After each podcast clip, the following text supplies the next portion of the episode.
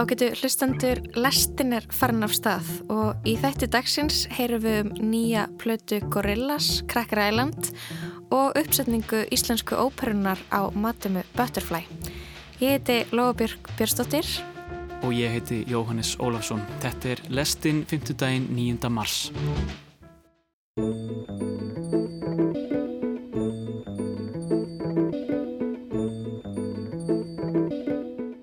Ætlum að hefja lestin í dag á menningar átökum um óperu. Á dögunum vakti Laura Liu, fiðluleikari Sinfoníu hljómsveitar Íslands, aðtegli á uppsetningu íslensku óperunar á matömu Butterfly eftir Puccini. Hún spurði á samfélagsmiðlum hvort Yellow Face, sem okkur skortir íslenskt orð yfir, væri að eiga endurkomu á Íslandi. Yellow Face vísar til þess að til dæmis hvít manneskja klæði sig upp sem manneskja af asískum uppruna á hátt sem ítir undir staðalímyndir.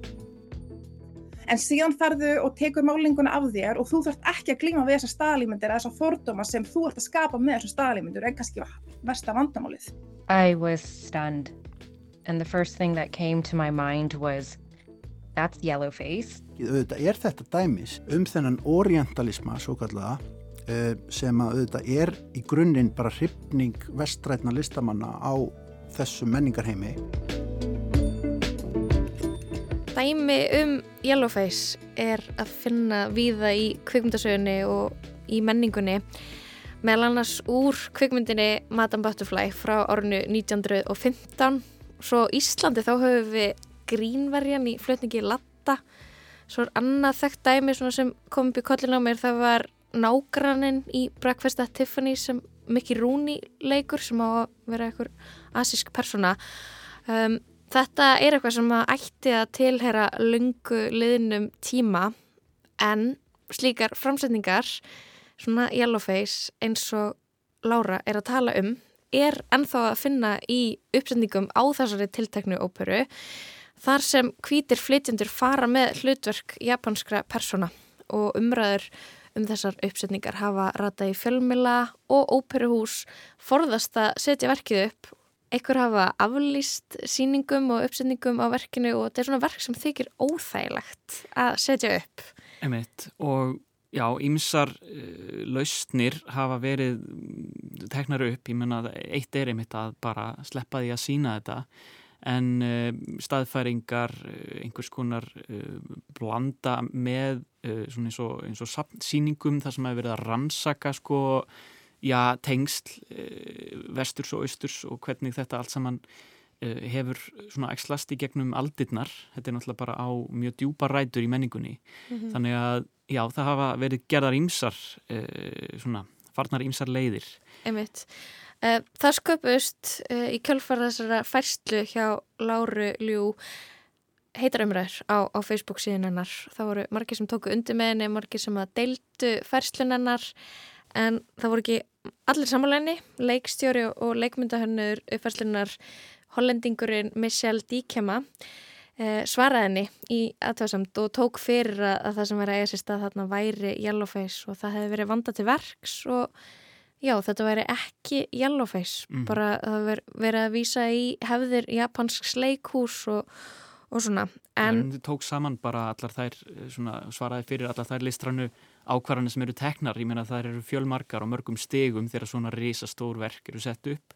Mm -hmm. Þannig að það er að mörg að huga og uh, þetta, já, þetta er bara risastór umræða. Mm -hmm. Við ákvaðum að heyra í Lóri. My name is Laura Liu. I am a member of the Iceland Symphony Orchestra. Hver voru þín fyrstu viðbröð þegar þú sást þessar myndir? I was stunned. And the first thing that came to my mind was, that's Yellowface. Is this what Asians look like to them? And those are Chinese characters they're using as a background decoration. Madame Butterfly is Japanese. This is so wrong. Laura segist hafa verið slegin yfir myndunum. Það fyrsta sem hún hafi hugsað var að þetta væri yellowface og spurði sig hvort það væri virkilega svona sem asíst fólk væri í þeirra huga. Það er að segja aðstandenda síningarinnar. Jáframt hafi letrið á vegg leikmyndarinnar verið kínverst en að Madame Butterfly sé japansk og þetta sé ránt. Hún hafi verið knúin til þess að breyðast við og það fljótt og vissi að margir yrðu móðgæðir og sárir yfir þessari uppfærslu. Við spurðum Lóru hvað hún hefði búið lengi á Íslandi og hvort þessar myndir frá uppsetningunni hefðu komið henni á óvart. Uh, yes and no. I have lived in Iceland for almost five years and I chose to come to Iceland because its reputation was that of progressiveness and independence. So, for example, most of my Icelandic friends are very forward thinking and they advocate Laura hefur búið á Íslandi í fimm ár og segir þetta hafa komið sér á óvart og ekki á óvart.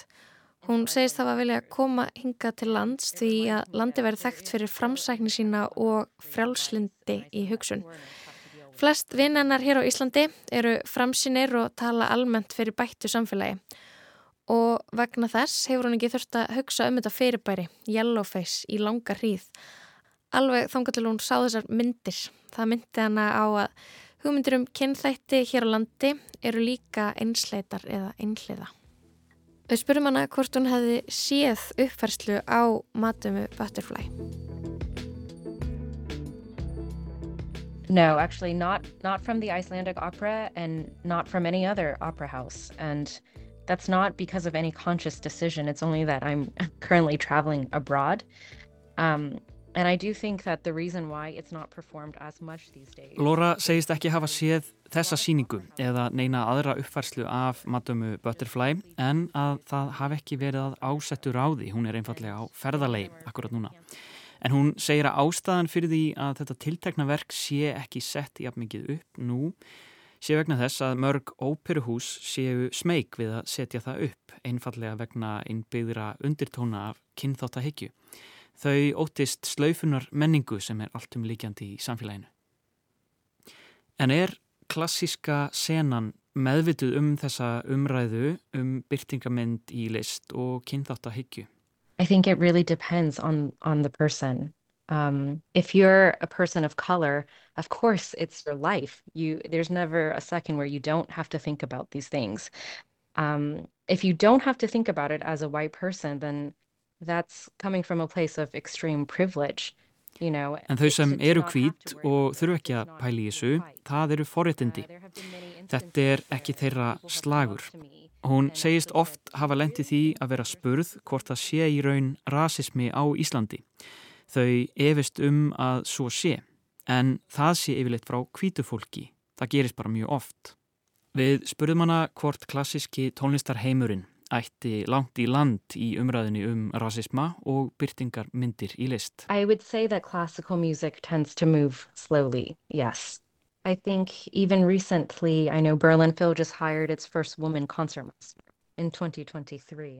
Lóru finnst klassiski tónlistarheimurinn reyfast hægt. Núna árið 2023 var Sinfoníu hljómsviti í Berlin að ráða í fyrsta sinn konu sem koncertmistra og allir voru visslega mjög ánæður með það en það var líka gaggrind fyrir að hafa tekið svona langan tíma að taka það skref.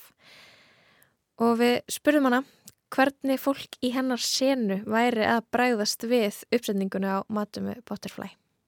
Well, it's difficult to say because I do work with a lot of the people that are taking part in the opera orchestra right now. Mm -hmm. They're my friends, they're my colleagues. And so I completely Það er erfitt að segja. Laura segist vinna með mörgum af þeim hljóðfærarleikum sem taka þátt í síningunni og það séu vinir hennar og kollegar og hún skilur vel ef þau vil ekki tjá sig um þetta ofinbarlega.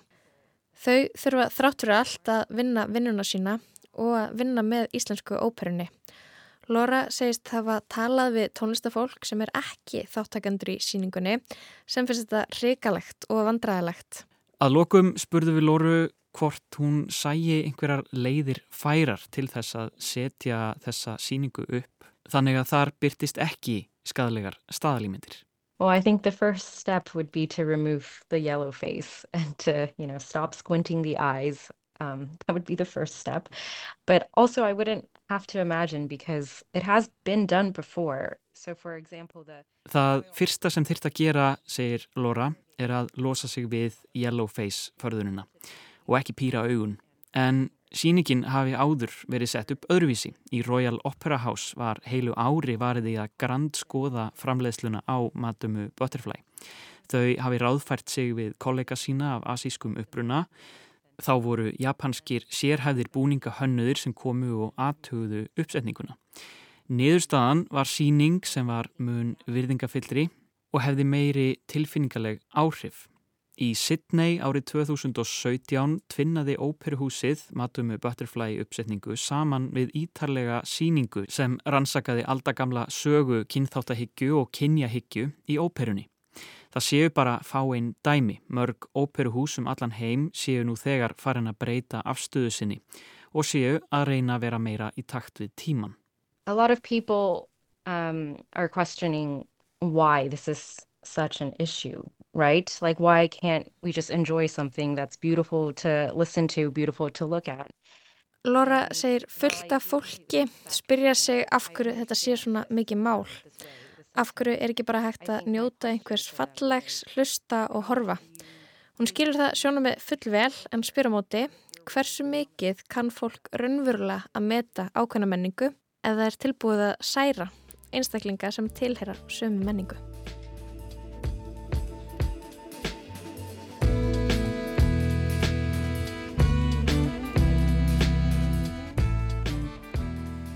En Jónes, við höfum auðvitað hvorugt séð Matumu Butterfly, hvorki núna í uppsetningu íslensku óperunar eða bara einhvern tíman yfir höfuð. Mm -hmm.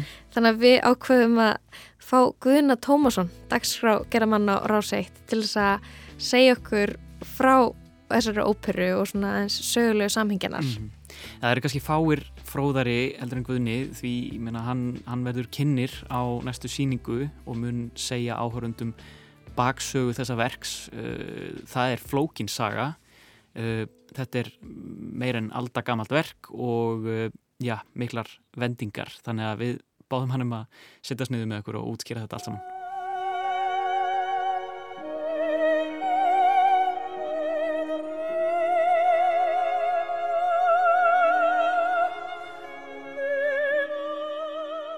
Sko um miðja 19. öld þá opnast tengslinn milli þess sem við köllum í dag Vesturlönd og Japan. Og þetta hafði náttúrulega verið mjög lokað eiríki bara öldum saman sem að þetta vakti mikla förðu og, og mikla spennu en Vesturlönd einfallega bara þekkt ekki til Japan. Það gerist um 1800, upp úr 1850 þá kemur sem sagt bandariskur sjólisforingi með flota inn á eina höfnina þarna í Japan. Með það fyrir augum að gera milliríkja samning milli Japans og bandaríkjana og það tekst. Og þá í rauninni í framhaldinu opnast öll viðskipti við útlönd. Eh, og menn fara að streyma til Japans til þess að eiga við þá viðskipti þannig að þeir eru alltaf inn og opnir fyrir umheiminu. Eh, einn af þeim mannum sem að fer þarna er fransku maður sem að heitir eh, Pierre Lotti hann er þarna bara skömmu síðar uh, á nýjunda áratug 19. aldar hann nær sér ég kann ekki nákvæmlega hversu, hvernig sambandi var en allavega hann kynist þar stúlku sem að kallaðist kíka tríðarblóm sem sagt ekki butterfly, ekki fyririldi heldur tríðarblóm Madame mm. Christenjem heitir saga hans sem hann byggir á eigin reynslu mm. E, þarna á e, nýjunda áratug 19. aldar og þau sem sagt eiga vinn gott saman og allir hún verði ekki einhvers konar skamtíma eiginkona hans vegna þess að það týðkaðist á þessum árum að sjóliðar sem að komu inn í hafninar í Japan þeir e, áttu vinn gott við ungar konur sem að urðu ótrúlegt en satt eiginlega hluti af sko diplomasíu Japans á þessum tíma Það eru nánast gerðar út til þess að eiga vingott við sjómennina sem er að koma á erlendum skipum inn í hafninar. Mm. Þá til þess að gera vel við á? Já, til að gera vel við á. Eitthvað gestrisni? Já, einfallega þú, þeim var hálf, hálfvegis lofað að þeir getu eignast kærustur. Til að halda sambandinu góðu og halda businessnum Já. gangandi og bara mm -hmm. allir glæðir. Og sjókunveldið, það, það hugsaður um þetta á, á þessum tíma. Einmitt. Þessi maður Lotti, hann skrifar þessa bók um Madame Tríðarblóm og segir frá reynslu sinni. Eh, það má kannski nefna það að það er annað tónskáld sem að semur verk upp úr þessu verki. Andri Messier hétt hann og uh, var fransk tónskáld, það það var nú kannski verk sem að náði ekki miklu flugi með að við það sem að setna gerðist hjá Puccini. En sem sagt, þessi saga, hún endar síðan í bandariskum meðförum því að e, það er höfundur sem heitir John Luther Long, hann eiginlega amerikanserar þessa sögu. Hann kemur með Butterfly nafnið sem sagt e, í staðin fyrir triðablómið Mm.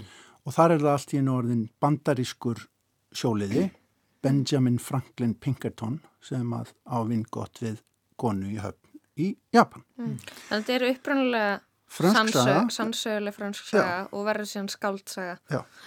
Og svo á hún sér eiginlega sko tvöfalt framhaldslíf þessi John Luther Long, hann skrifar uh, upp úr bandaríska útgáfu. Svo er það leikskáld sem heitir David Belasco sem að tekur líka þetta, þessa sögu upp á sína arma og uh, setur upp sem leikrit og býr til leikrit upp úr öllu saman. Og það er þetta leikrit sem að Puccini sér síðan aldamóta árið 1900 í London og verður svona rosalega hrifin á þess að kunna orði ennsku að hann vil Olmur sem sagt fá réttindin til þess að búa til óperuna. Mm.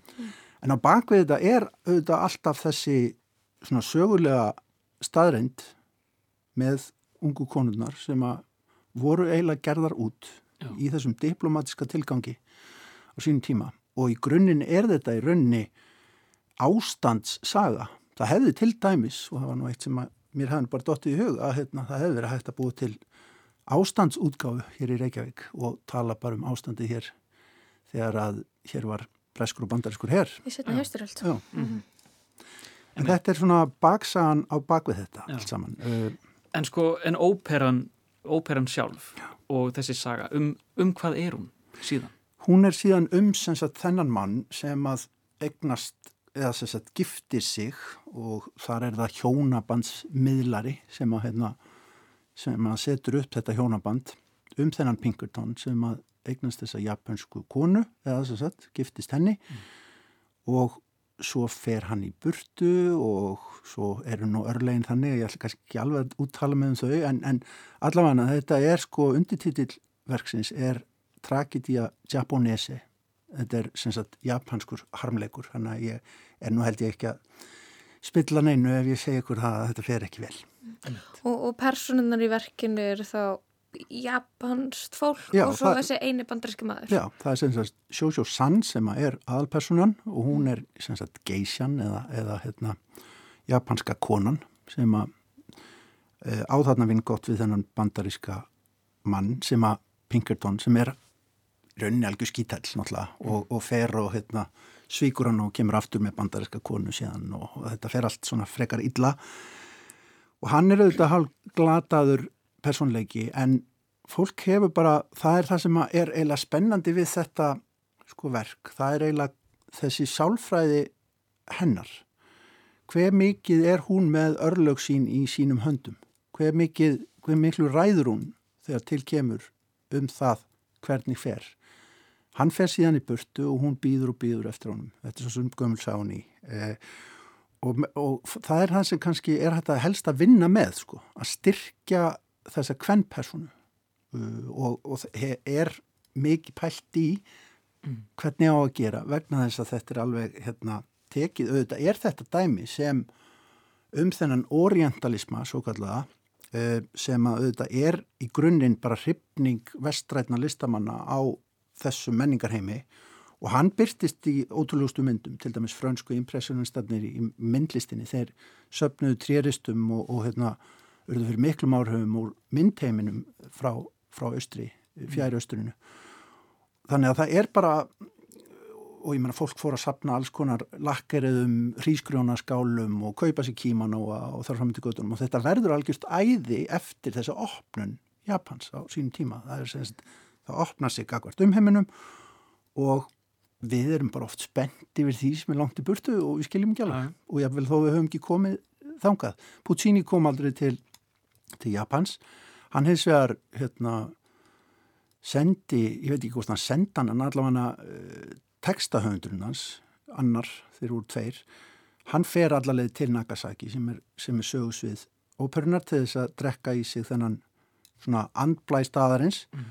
Puccini sjálfur, hann fekk fundja á japansku sendiherrafróni í Róm til þess að láta hann að syngja í eirað á sér einhver japansk þjóðlög og það er svona andblær japanskar tónlistar sem að mm. síður auðvitað í þessu. Ég ætlaði að mynda að spyrja það, þannig er eitthvað svona þannig blær í tónlistinni? Eða já, það er svona doldið djúft á honum en stundum svona grýpum hann aðeins að, ah, já, þannig er eitthvað svona smá japansk. Mm. Það eru svona ákveðnir, ákveðin skalanótkunni í, í, í músikinni sem að hérna, er svona þaðan. Mm. Svo er þetta alveg skemmtilegt að til dæmis nefna það að þannig eru bæði vittnað í hljómsvitapartinum í japanska þjóðsungin og bandariska þjóðsungin sem reyndar bandaríski þjóðsungurinn var ekki bandarísku þjóðsungurinn þá heldur sérstaklega hérna, söngur bandaríska hersins eða þessi mm. sjóhersins mm. þessi Star Spangled Banner sem öll heimsbyðin þekki núna Akkurat. í dag en það er alls konar svona sko, Puccini var það sem kallaðist Verismo, uh, Verissimo hérna, óperutónskáld, það er að segja að hann var realisti hann vildi í verkum sínum og þetta er kannski e, eiginlega kannski þekktast að dæmið um það hann vildi sagt, sína heiminn eins og hann var og, mm. og þetta er svona stefna í, í, í tölskri óperuhefð þarna á 19. öldinni sem að hann sem að rýsa hátt með honum mm. En Madame Butterfly þetta er vinsel ópera og hefur sett upp ótalsinn og er sett upp marg ofta hverja ári já. út um allan heim sko og, og hérna einn af já hún er ekki ná topp tíu vinsalasta listanum allavega ekki undanfærin ár mm -hmm. um, en, en bara skam réttur neðan og er mjög mikið sett upp sko en það er flott verk, það er kannski sérstaklega flott sko það er aldrei kannski, balansin í því er örlítið þannig að þetta veldur og byggist allt rosalega mikið á henni hennar, hennar rulla er rosalega stór og krefjandi og glæsilega flutt þarna í þessum uh, flutningi íslensku óperunar og svo hljómsveitar undispilið er svo glæsilegt að hann er svo góður í að semja semja fyrir hljómsveit og sérstaklega í lokakaplanum það er einhvern veginn gæsa þó að momentin alveg mm. kom í rauðum En það hlýtur að hafa gerst áður að e, já, þessi umræða um menningarnám Mhm. kynþóttaforduma, hún hlýtur að hafa sprottið upp áður. Já, já, það er búið að skrifa um þetta lærðagreinar út og inn uh, og, og það, það er auðvöld að finna á internetinu líka, sko.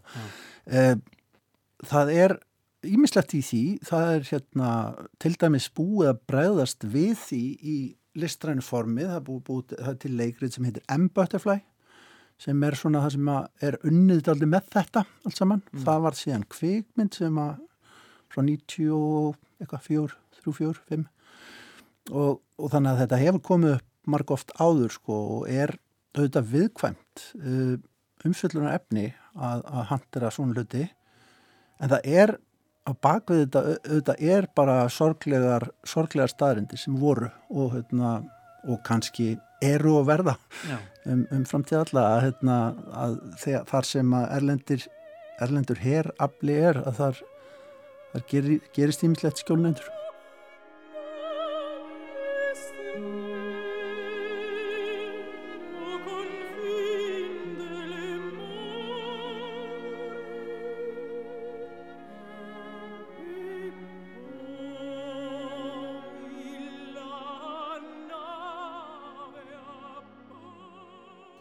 ég heiti uh, Jóvanna Pálvits og ég er mannfræðingur og ég starfa sem uh, aðstöðaranstakandi í afnýlinduvæðingu aðri mentunar við Háskóla Íslands.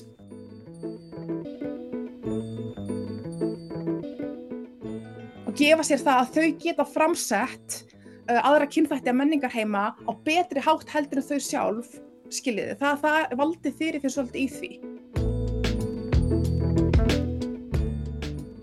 Það eru íminsleg fræðileg hugtök sem eru gerðnan nótuð í samhengi við svona umræðu eins og í umræðinu um Matamu Butterfly og við vildum vita meira um þau. Þannig að við heyrðum í Jóvönu Pálovits Sko ég vil eiginlega bara byrja á orientalisma, ég held að hann skipti mestu máli og hann er svona kannski grunnfossendan af öllum þessum hugtökum að mörgu leiti Eh, sagt, það er bók sem var skrifið 1978 af fræðamennum Edar Sahid sem heitir Orientalismi og það sem að Sahid gerði í rauninni eh, er að hann velti svolítið fyrir sér hvernig var fyrst og fremst evrópsk nýlendu hyggja réttlætanleg. Tók bara saman í rauninni 19. aldar bókmæntir og orðræðu greindans, greindi frá framsetningunum og það sem hann í rauninni komst að niðurstan hans í bókinni var svo að Östurlönd eða veist, hérna, heimslutar þar sem að Evrópa drotnaði yfir voru framsett sem svona framandi, óæðri eh, og svona fjarlægð. Og sama tíma var Sahíturinni líka að greina frá kannski svona sjálfsmynd Evrópu, hvernig hún sé sér sjálf sem svona svolítið hvít, eh, kunnuleg og hérna öðru, öðrum einhver leiti merkilegast að við kannski uppkvöldum Sahíts er að þetta var ekki eitt og eitt tilvik, þetta var minnstur texta, þannig að í rauninni það sem Sahít var að uppkvölda er þetta er í rauninni einhvers konar þekkingasköpun um aðra heimsluta sem Evrópa var í rauninni að skapa. Þegar við tölum um orientalisma þá erum við ekki að tala um að staðalýmyndir, við erum ekki að tala um einstök tilvik, við erum að tala um mynstur mm. og þetta mynstur sá Edvard Said til dæmis í stjórnmálakenningum, í heimsbyggi, í hagfræðikenningum, í skáldsögum alltaf sama, sama framsetning um aðra menninga heima aftur og aftur og aftur. Og það sem að rauninni er að eiga sér stað hér er að formgerðin er að endurspegla hvort annað það sem þú finnur í skólabókunum, finnur í fjölmunum, finnur í fjölmunum, finnur í akademíunni. Og þar leðandi er kannski þessi byrtingamenn sem við erum að sjá í óperinu afkast af samfélaginu sem óperan hefur mótast í. Þannig að þetta er ekki endilega bara óperan eða einstaka einstaklingar. Eins og oft ég fæ spurningu þegar ég er að segja frá skólabókunum hver skrifaði bókina þá segja þetta er ekki, þetta er ekki höfundurinn sjálfur, þetta er kannski bara formgerðin sjálf. Þannig að vandamáli er samfélagslegt sem er að ala upp á þessar staðalýmyndir og vandamáli með staðalýmyndir er að það eru ofur framsetning á ákveður menningaheimum, þetta er oftast það eina sem við veitum um það og við veitum ekkert meira um það heldur en út af þessum staðalýmyndum og afleðingarnar af staðalýmyndum eru síðan til dæmis grófari atvik eins og hatursóruða líkaflegt ofbeldi og svo framvegs en grunnforsenda til þess að svona atvik verðast þeirri ætlaðanleg eða eins og þú veist hérna þegar að fólk er að mála sig upp á aðra kynþætti er að fólki finnst þetta kannski réttlætanlegt þessi valdi sem það hefur yfir öðru menningahefum er byggt upp á staðalýmyndum, það veit ekki betur mm -hmm. Þannig að þetta er bara svona afleðing af því sem við erum að sjá og sem er formgerðarlegt, ekkert eitthvað eitthvað, eitthvað hægt að sko benda óperan sjálfs í vandamálið, myndi ég svona, svona vera vingareining.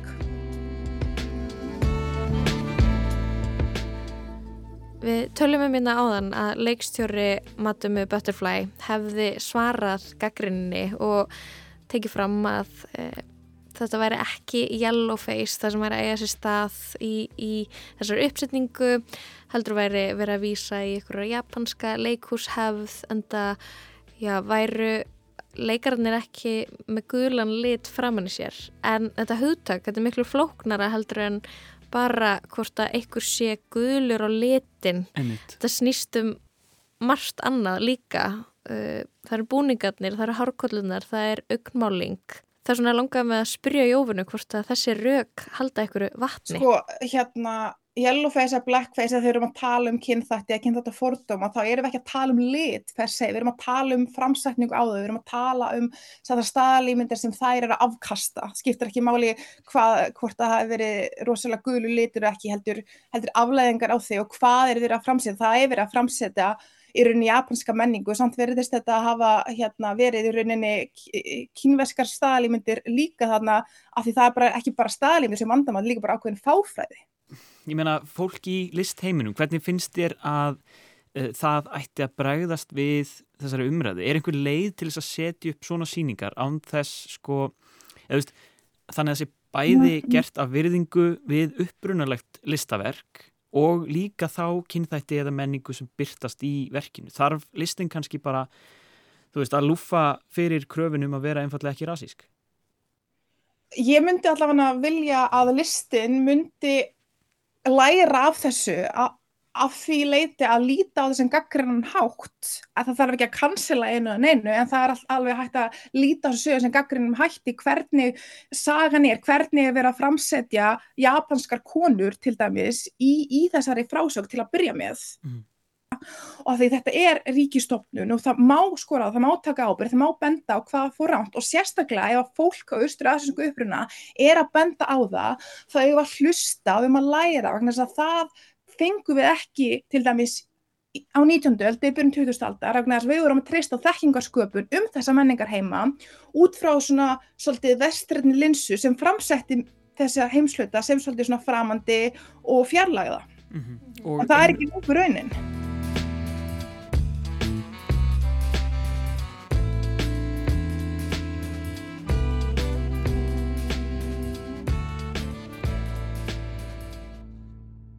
Við rettum við Jófunu Pavlovits um mörg af þeim hugtökum sem hafa verið gegnumgangandi í umræðinni, í gaggrinni, á uppfærsluna á matum með Butterfly í Íslensku óprunni.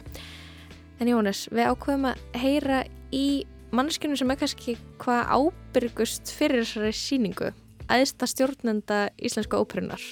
Þú sendir tölupost og fegst svar. Já, ég sendi tölupóst á steinunni Byrnu Ragnarstóttur óperustjóra og spurðan út í það hvort að þessi gaggríni myndi breyta einhverju, myndi, þau myndu taka uh, það til, til hliðsjónar og, og, og breyta síningunni á okkur hátt. Sko, uh, stuttasvarið er hjá henni var í rauninni nei og þau hafi vanda til verka. Hún segir að, að þau hafi tekið allt þetta til aðtugunar í þessu floknaferli, framleysluferli þegar þú voru að setja upp óperuna og í niðurlægi svarsins þá segir hún til auðvitnun hefst Mér finnst mikilvægt að við lærum af fortíðinni en rétt skoðum hana ekki eða döð hreinsum. Það er mjög umdelt í óperuheiminum hvort aðlaga eigi eldra verk að nýjum gildum eða leifa þeim að vera eins og þau eru sköpuð frá hendi höfunda og sitt sínist hverjum eins og vera ber og þannig verður það alltaf. Leikusið á að vekja okkur til umhugsunar og þess vegna er þessi umræða mjög mikilvæg þótt seint finnist einn samnefnari sem allir geti verið samal um. Það er kannski, já, tilvötnu líkur. Það er kannski svolítið svona eh, þessi, þess, þessi tótn að, segja sko að fagna umræðinni. Umræðan sé góð en án að vera fyrir eða eftir síningu. Mm -hmm. Já, það er svona standard svar frá uh, stjórnanda mjög, uh, hvað maður segja, mjög diplomatist. Og já, umræðan verður tekinn, þessi umræða heldur áfram í kvöld í Kastljósi. Eflust áfram á samfélagsmiðlum og í fjölmiðlum, margir fjölmiðlar búin að vera fjalla um uppfærslu íslensku óperunar á matum með Butterfly. Okkar umfyllin líkur hér. Við ætlum að hugað nýri tónlist. Daví Róts, tónlistarinn lestarinnar hlustið á nýjustu plötu Gorillaz Cracker Island it was born. To the collective of the dawn. They were planting seeds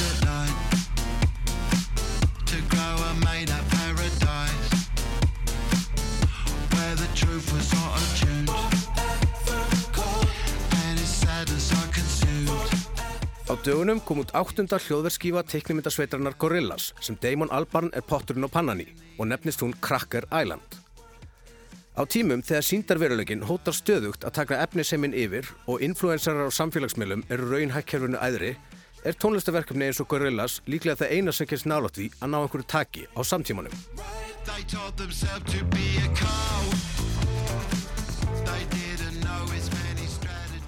Cracker Island er engin stór stílbreyting frá fyrirskífum Gorillaz. Damon Albarn heldur áfram að finnpúsa og byggja ofan á, hendum öllu í púkið hip-hop skotna turbopoppið sitt en heldur samt aðeins meira aftur á sér en oft áður, sem sérst til að mynda á lengdini, en Cracker Island er bara tíu lög og einingust tvöðar að rjúa fjóra mínutna múrin. Og svo er líka gestagangurinn öllu hóflegri en á mörgum fyrirplatna Gorillana. En þeir eru samt nokkrið þarna og allir málsmetandi eins og við var að búast. Til dæmis möndlar þrjumukötturinn og fusion-hetjan Thundercat, bassan og bakrættir í upphafs- og títilæginu sem hér ómar undir. Grottalegum synthafunk banger sem setur tónin mátulega skítuan fyrir restina af plötunni.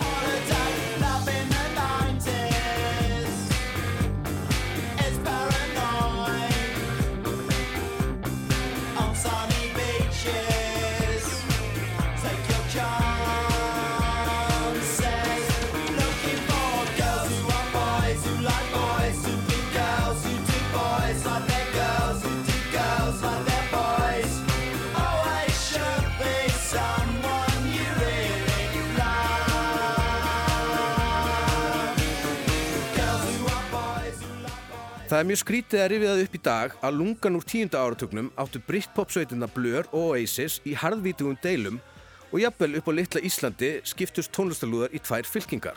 Þú varst annarkvort í Blur eða Oasis liðinu. Það var ekki hægt að fýla bæði.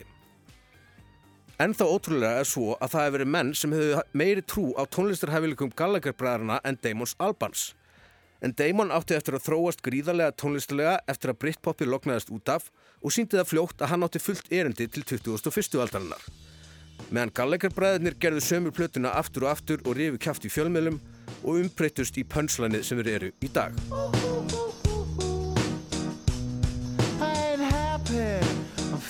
glad I got sunshine in a bag. I'm useless, but not for long. The future is coming on. I ain't happy. I'm feeling glad I got sunshine in a bag. I'm useless, but not for long. The future is coming on.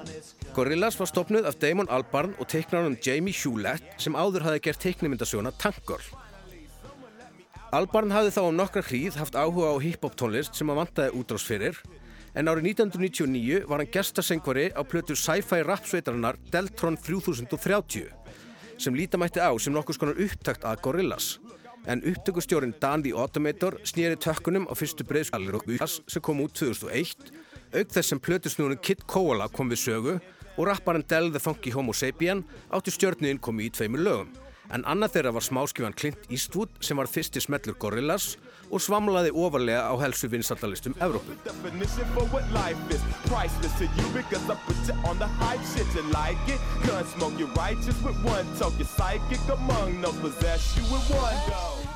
Þessi fyrsta samnenda breyðskjöfa Gorillaz var annars lástemt heilt yfir og engir stjörnu gestasöngvarar eins og síðar átti eftir að verða.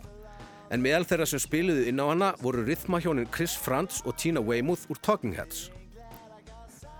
Þetta var hip-hop skoti raf-pop með draugalegum melodikkum og döbbuðum hljóðheimi sem sveimuðu kringum melankóniska rödd Damons.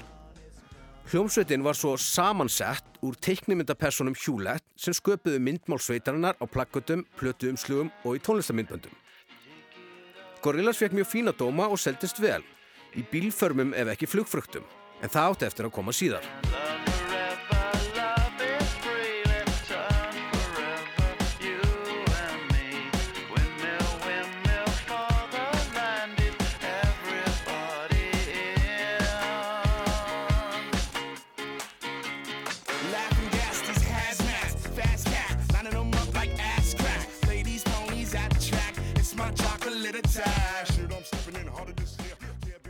Damon dró fram stærstu bissurnar og breyðustu spjótin úr vopnabúrinu sínu til að gulltryggja það að Gorillaz lenduð ekki neinum annarar plötu skelli eins og stundum vill verða. Í þetta skiptið var það Brian Burton eða Danger Mouse sem snýri tökkunum. Ferskasti pródusur í heimi fast á hæla massöp listaverksins Grey album.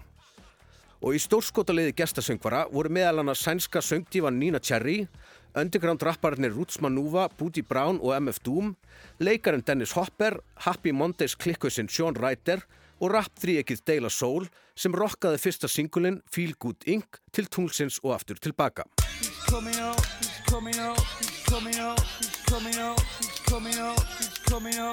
It's there.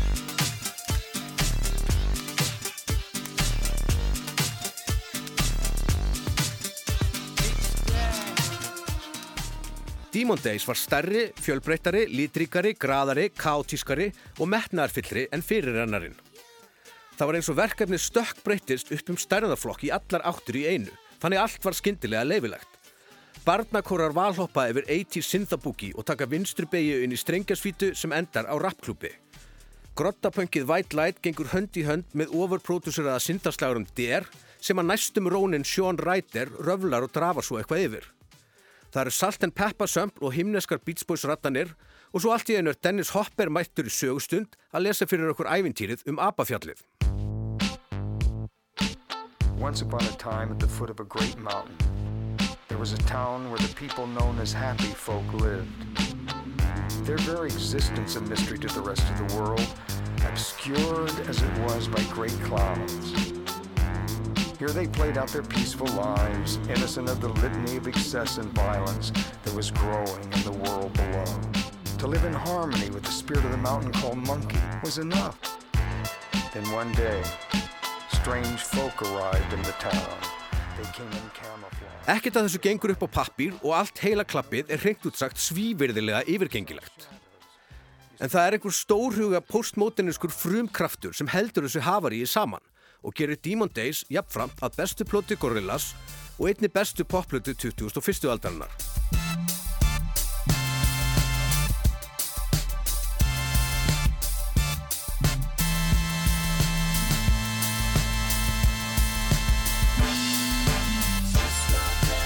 The revolution will be televised. And the pollution from the ocean, now with devotion. Damon tók sér fimm ár í framhaldið Plastic Beach sem innihjalt eigi svo lástemdan umhverfisvendar bóðskap og jafnvel enn stjörnum prýttari gestaleikara galleri en Demon Days. Snoop Dogg, Gruff Rice, De La Soul, Lou Reed, Marky Smith, Kano og Little Dragon koma meðal annars við sögu en rapparinn Mos Def og aldna sálarkempan Bobby Womack fóru á kostum í fyrstu smáskífunu Stilo. En það lag plötunar sem er líklega í mestum metum hjá aðdóðandum er hins vegar algjörlega gestalust. Þar syngur Damon Albarn, einn og óstuttur, ljúfsáru balluðuna on Melancholy Hill sem við skulum heyra næst. Up on Melancholy Hill there's a plastic tree.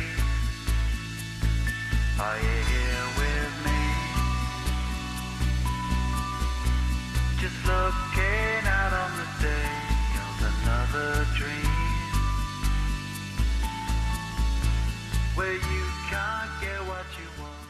Það er fjórar plötur sem hafa komið út millir Plastic Beach árið 2010 og nýjustu plötunar sem hér er til umfjöllunar hafa ekki náði að vel í gegn og Demon Days og Plastic Beach sem þykja almennt þeirra sterkustu plötur. Til að það sé strax frá þá nær Cracker Island ekki upp á sama stall og fyrirnefndu plötunar tvær en er enga síður afar vönduð og nútímaleg popplata sem stendur fyllilega undir því verkefni að kinka kollum og hrista rassa á alþjóðlegum skala. Á eftir suttalega fönkslegarnum sem opnar plötuna og vikið var að áðan fáum við ólíu á eldin. 80s löðrandi popslagaran Oil þar sem aldna Fleetwood Mac-dívan Stevie Nicks á stjörnu innkomi. Interlocking cluster bombs like drum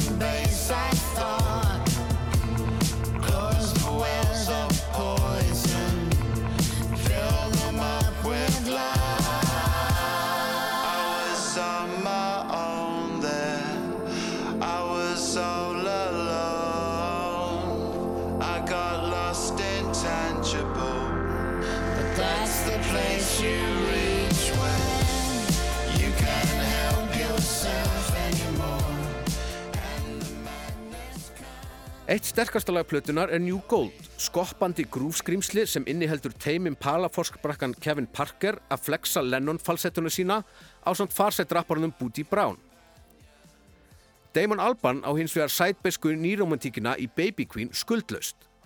Þetta er fallegt lag sem eflaust margir hefur geta gert ágætti skil en þegar Damon syngur balluður af þessari tegund bætir hann alltaf auka tveimur deslítrum að trega við uppskriftina, algjörlega áreinslu laust.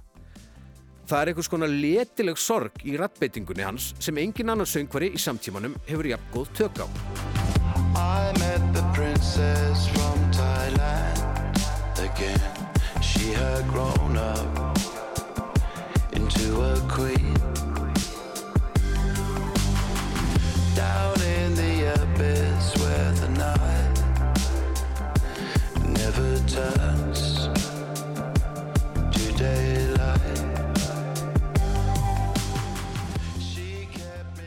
Skinny Ape hefst sem ruggandi og innkvert slowjam en tvöfaldar svo skyndilega tempóð halvaleiði gegn og endar í hálgjörðum sirkustransi sem geti hæglega hafa komið úr smiðju ultramega teknobansins Stefáns. Það er svo engin annan en Beck sem syngur bakrættir og hjálpar Damon að klára plötuna á tignarlegan hátt í undurfallugu pianoballuðinu Possession Island þar sem melankólski strengir og morrikónlegt trompetsóló í lokin eru kirsuberið ofan á bræðarefin. Cracker Island er nokkuð frá sterkustu plötum Gorillaz en enguða síður progressív popplata sem á umtalseft erindi við hlustir og mjadmir hlustenda lestarinnar. Svo er spurning hvað er eiginlega sem gerir Gorillaz plötu að Gorillaz plötu.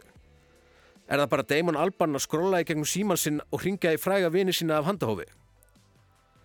Í sannleika sagt er mér eiginlega nákvæmlega sama svo lengi sem að afurðurnar eru góðar. Svo held ég líka að Damon Albarn sé með bestu símaskrá á jörðinni.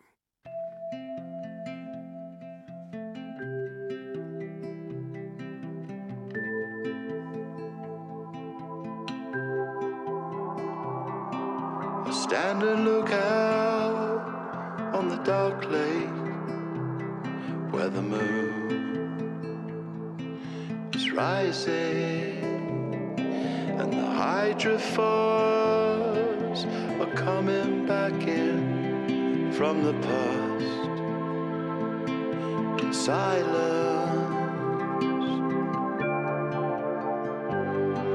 Where things they don't exist and we're all in this together till the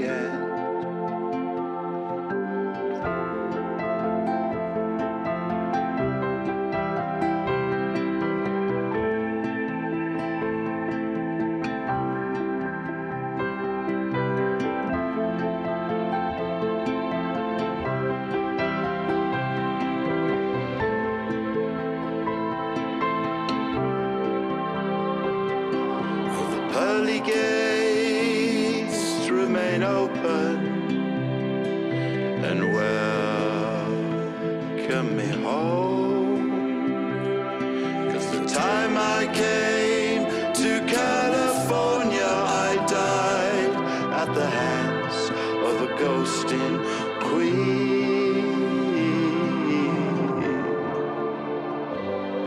where things they don't exist and we're all in this together till the end till the end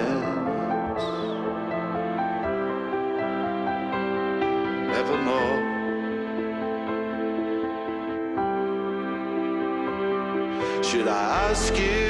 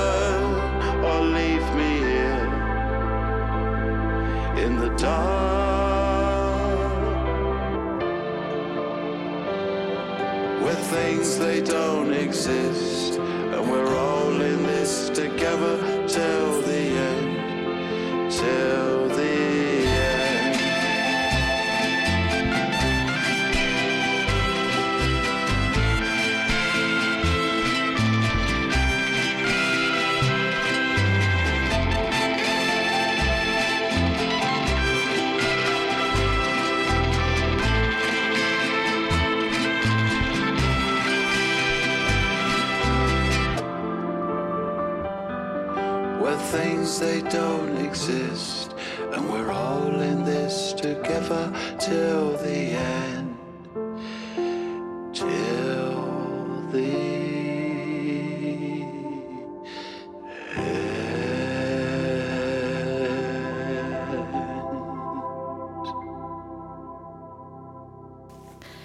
Það var Daví Róts Gunnarsson sem fjallaði um nýjustu plötu hljómsveitarinnar Gorillaz, Cracker Island. Lestinn er komin á endastöð í dag og þessa vikuna. Tæknumæður í þessum þætti var Kormákur Marðarsson við Jóhannes og Lóa þökkum fyrir samfélgin í dag. Verðið sæl.